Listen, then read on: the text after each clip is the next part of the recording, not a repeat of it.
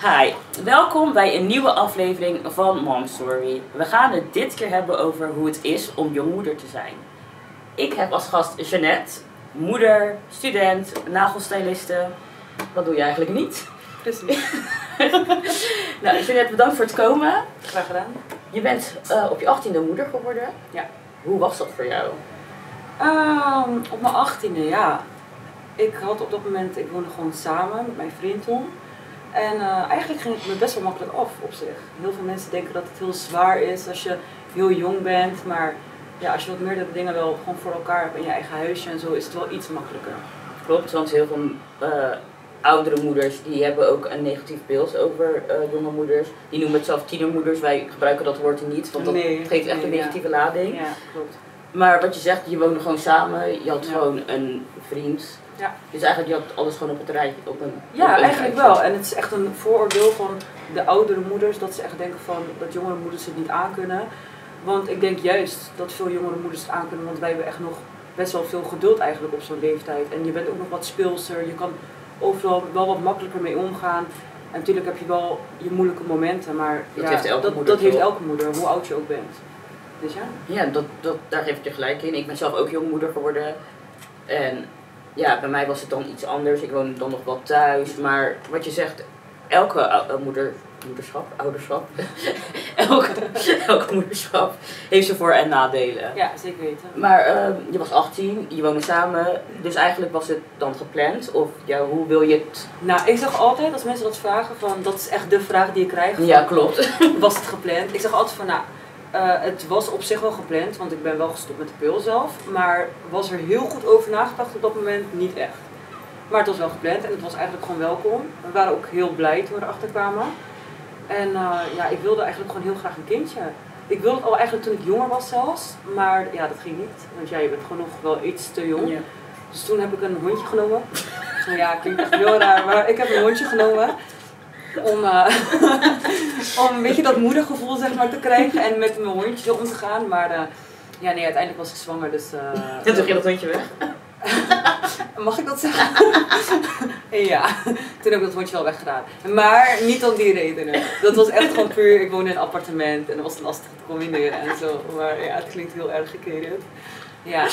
Oké, je geeft aan ehm, dat ja, een soort van gepland was, maar het is niet, er is niet, over, ja, niet goed over nagedacht. Waar merk je dat dan in? Of waar merkte je Nou, meer achteraf eigenlijk. Dat ik echt wel dacht van, ehm, op dat moment, ja, op dat moment dacht ik echt van, ik ben er echt klaar voor. Ja. Ik wil dit, ik kan dit, ik heb niks anders te doen in mijn leven. Eigenlijk meer zo van, ik ben gewoon klaar om moeder te worden. Maar eh, ja, met de jaren daarna besefte ik toch wel van dat het soms wel zwaarder is om bijvoorbeeld eh, terug naar school te gaan en je diploma te halen, andere doelen in het leven eh, te bereiken. En bijvoorbeeld ook met werk. Ja, als je 18 bent, weet je niet heel goed wat je wilt gaan doen. Klopt. En bijvoorbeeld eh, daarna dacht ik, ja, stel voor ik zou stewardess kunnen worden of zo. Maar ja, als jij een baby thuis hebt zitten, kan dat niet. Nee. Dus dat zijn dan wel dingen die je moet inleveren. En dat is niet erg. Maar dan ga je wel denken van... Misschien had ik er eh, toen in die tijd iets beter over na moeten denken. Maar eh, Ja, dat, dat, dat, oprecht geen spijt. maar dat begrijp ik wel wat je zegt, want ja, net als ik, ik ben, ik ben jongmoeder geworden. En als ik, heel veel mensen vragen ook van, was het gepland? En dan denk ik, ja, met alle respect. Ja. Ik was 16. Ehm, het laatste waar ik aan dacht was een baby verschonen. Ja, tuurlijk. tuurlijk was het niet gepland. Maar uiteindelijk, ehm, tuurlijk zou ik het weer zo overnieuw doen, maar dan wel op een latere leeftijd. Want ik zeg het altijd tegen mijn vriend, als wij geen kinderen zouden hebben, zou ik gewoon in Amsterdam wonen. En de, ja, de tijd van mijn leven klinkt een beetje... Het klinkt... Het zeg klinkt maar, zo negatief Uit de mond van een moeder klinkt het weer negatief of slecht. Zo van, oh je wilt dus leven, maar dat is helemaal niet zo. Van, Want we leven ook gewoon... Ja, we leven ook inderdaad. Maar ik begrijp precies wat je bedoelt. Want ik zeg dat ook altijd tegen mensen. Van had ik geen kind gehad, dan had ik in het buitenland gewoond en daar gewerkt. En weet ik veel wat gedaan met mijn leven. Ik zou gewoon letterlijk alleen de wereld overgaan.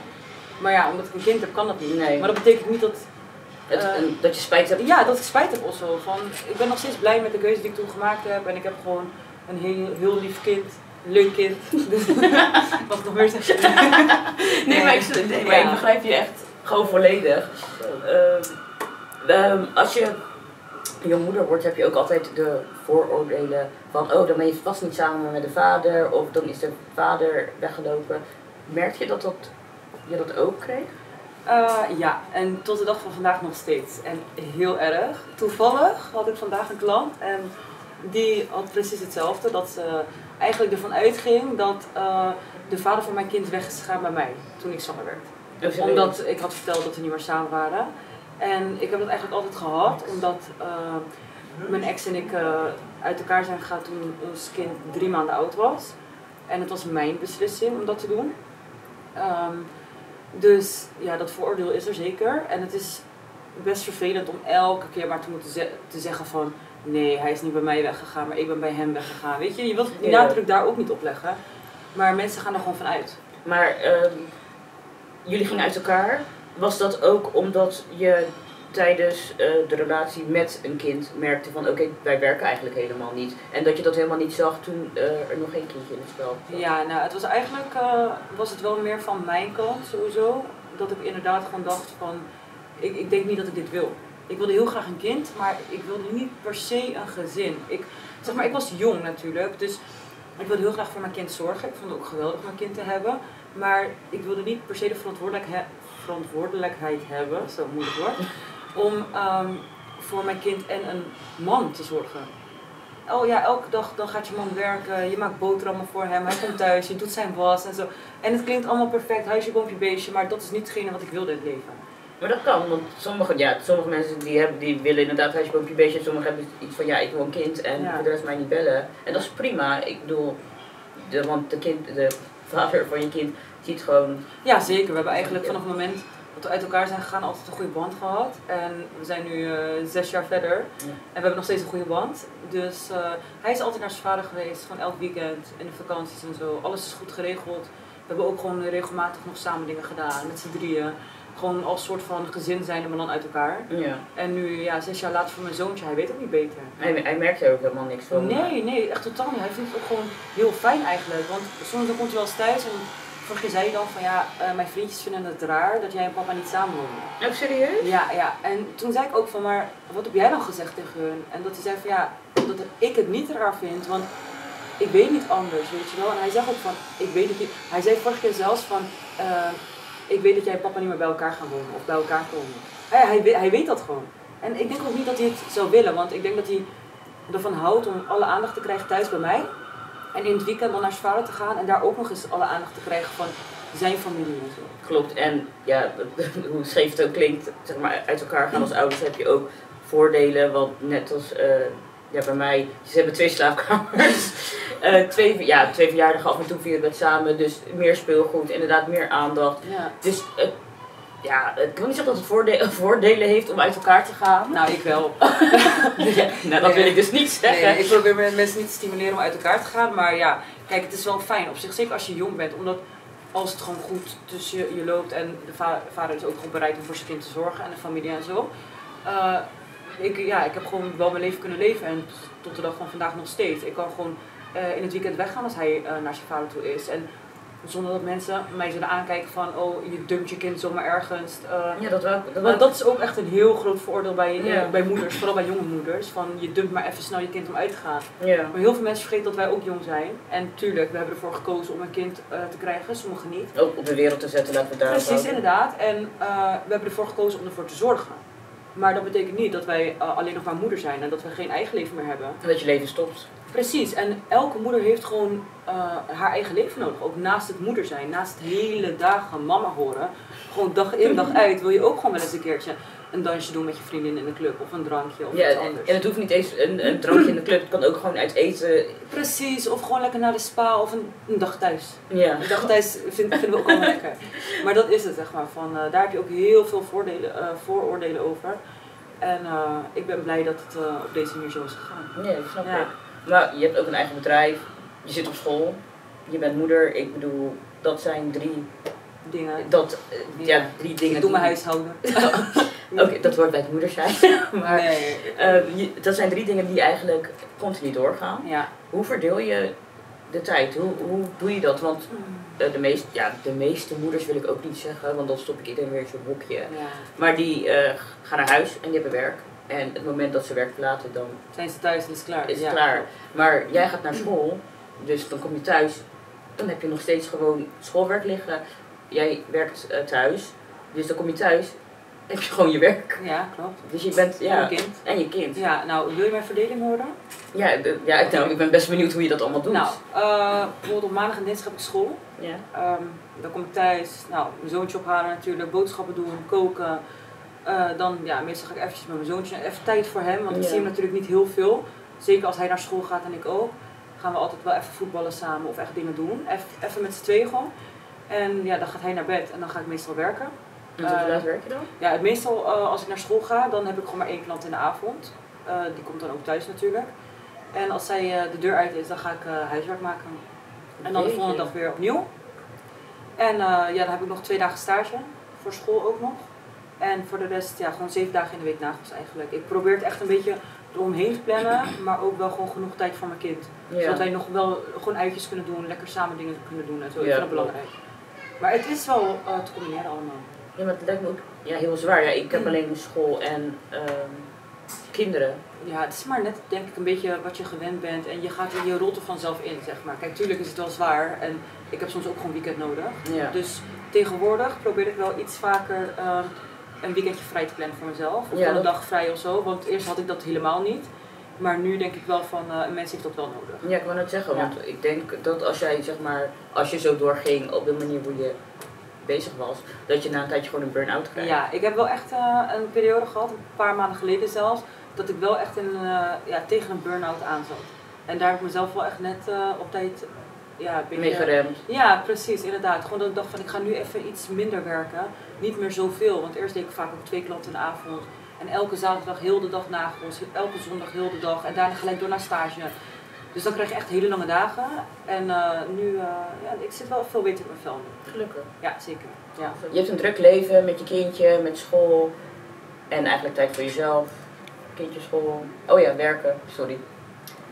Ehm, vind je het lastig om dat te combineren ook met vriendschappen? Want sommige meiden van jouw leeftijd zullen niet begrijpen dat je niet eigenlijk niet altijd tijd voor ze hebt. Omdat, je, omdat sommige meiden misschien nog thuis wonen. Dus die hebben zoiets van ja oké ik werk en ik ga naar school. Maar voor de rest heb ik gewoon lang leven de lol. Maar jij hebt zoiets van ja maar ik heb gewoon een druk leven. Ja. En de tijd voor mezelf wil ik ook echt voor mezelf. En daar hoef ik niemand anders meer bij. Nou, eigenlijk niet, want ik heb eh, veel vriendinnen met kinderen.